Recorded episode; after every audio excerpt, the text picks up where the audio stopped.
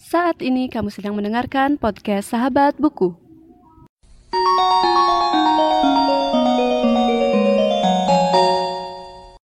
Sebelum mendengarkan episode kali ini, jangan lupa follow podcast Sahabat Buku di Instagram di @podcastsahabatbuku. Selamat mendengarkan.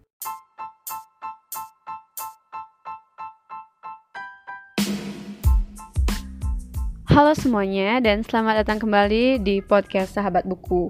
Oke, jadi kali ini aku bakal membawakan sedikit review dari buku yang sangat terkenal karena yang buat juga sangat terkenal yaitu buku Mantap Jiwa dari Jerome Pauline Sejabat. Oke, jadi aku yakin para pendengar podcast aku nih udah nggak asing banget sama Jerome Pauline yaitu salah satu youtuber Indonesia yang uh, saat ini menjadi mahasiswa di Jepang uh, dengan uh, channel YouTube-nya dengan nama Nihongo Mantapu. Jadi aku yakin beberapa dari kalian pasti udah nonton video-video uh, YouTube dari Jerome karena videonya emang seru-seru banget dan aku suka banget sama Tomo yaitu salah satu temannya Jerome. Jadi hampir setiap video yang ada Tomonya tuh aku udah udah tonton gitu kan.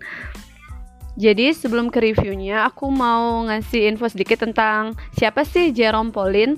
Oke, jadi uh, setelah aku searching di internet, Jerome itu kelahiran 98, yaitu tepatnya di Jakarta tanggal 2 Mei 1998.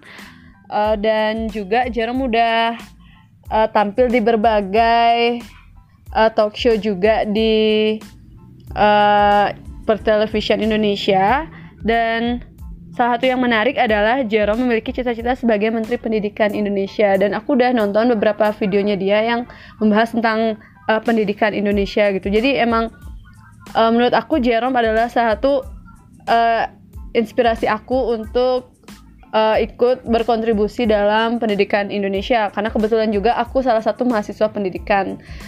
Dan Jerome juga uh, mengenalkan kita tentang budaya Jepang di uh, channel YouTube-nya dengan nama Nihongo Mantapu. Jadi aku suka banget nonton uh, video-videonya dia. Apalagi yang ada makan-makan gitu. Jadi pengen makan masakan Jepang gitu deh. Mungkin yang kita tahu tentang Jerome adalah uh, saat dia udah sukses gitu ya. Udah di Jepang, udah dapat beasiswa, udah kuliah gitu di luar negeri gitu loh. Nah, di buku dengan judul Mantapu Jiwa ini Jerome uh, nge-share ke kita bahwa perjalanannya dia itu nggak segampang yang orang pikirin. Karena Jerome harus melewati banyak hal sebelum dia benar-benar bisa berkuliah di Jepang. Dan sebelum Jerome uh, bisa kuliah di Jepang dia udah uh, belajar mati-matian dari SD, SMP, SMA dan meraih beberapa prestasi. Contohnya di uh, juara satu Olimpiade Nasional Industrial Engineering ITS 2016, juara dua Regional Olimpiade Farmasi Nasional Unair 2015 dan yang lain-lain. Dan yang membawa Jerome bisa ke Jepang adalah beasiswa Mitsui Busan tahun 2016. Dan saat ini Jerome adalah mahasiswa uh, jurusan Matematika Terapan. Nah, buku Mantap Jiwa ini membahas tentang perjalanan Jerome dari kecil sampai sekarang sampai akhirnya dia bisa kuliah di Jepang. Dan bukunya inspiratif banget menurut aku karena di sini Jerome mengupas habis gimana suka dukanya dia bisa melewati segala rintangan dan uh, semua hal sebelum akhirnya bisa berangkat ke Jepang. Di beberapa halaman dari buku Mantap Jiwa, Jerome memberikan hashtag rumus Jerome yaitu hal-hal yang bisa dibilang kutipan-kutipan dari pengalaman-pengalaman yang Jerome rasakan. Salah satunya ada Aku sadar belum tentu Roma yang aku tuju adalah Roma terbaik yang Tuhan sediakan buatku. Singapura dan negara-negara lain yang pernah kulirik harus kulewati dengan penuh perjuangan dan kekecewaan. Berkali-kali aku mempertanyakan maksud Tuhan. Tak jarang rasanya ingin menyerah. Tapi dengan usaha tanpa henti yang dibalut dengan doa tanpa tak putus, Tuhan pasti menyediakan Roma terbaik untuk umatnya.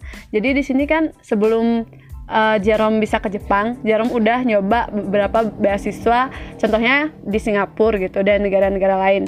Nah, tapi karena berbagai hal, akhirnya Jerome nggak jadi ke sana. Dan akhirnya Jerome bisa ke Jepang gitu. Dan Jerome juga harus melewati tes bahasa Jepang. Dan itu merupakan hal yang awalnya sulit banget kata Jerome. Dan dengan usaha kerasnya selama berbulan-bulan, akhirnya uh, Jerome bisa melewati JLPT N1 di mana itu adalah tes bahasa Jepang tersulit gitu tapi akhirnya dia bisa ngelewatin itu dan uh, akhirnya bisa mendapatkan uh, dan akhirnya bisa berkuliah di salah satu universitas terbaik di Jepang yaitu di Waseda University. Nah, salah satu kutipan yang paling aku suka yaitu anak sama matematika tapi nggak mau putus. Nah, ini kita sering banget nggak sih uh, bosen sama sesuatu yang kita suka? ya pasti ada rasa jenuh-jenuh gitu kan.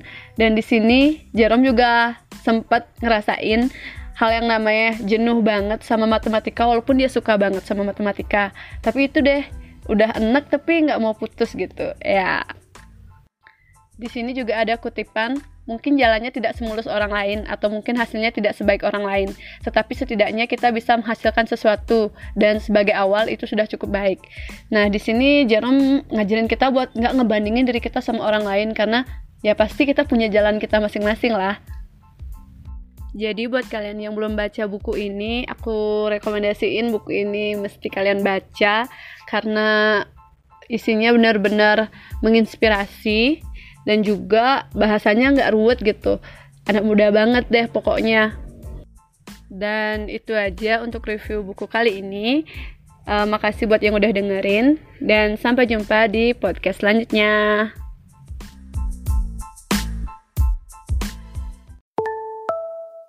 Terima kasih sudah mendengarkan podcast Sahabat Buku. Bagi pengguna Spotify, jangan lupa follow.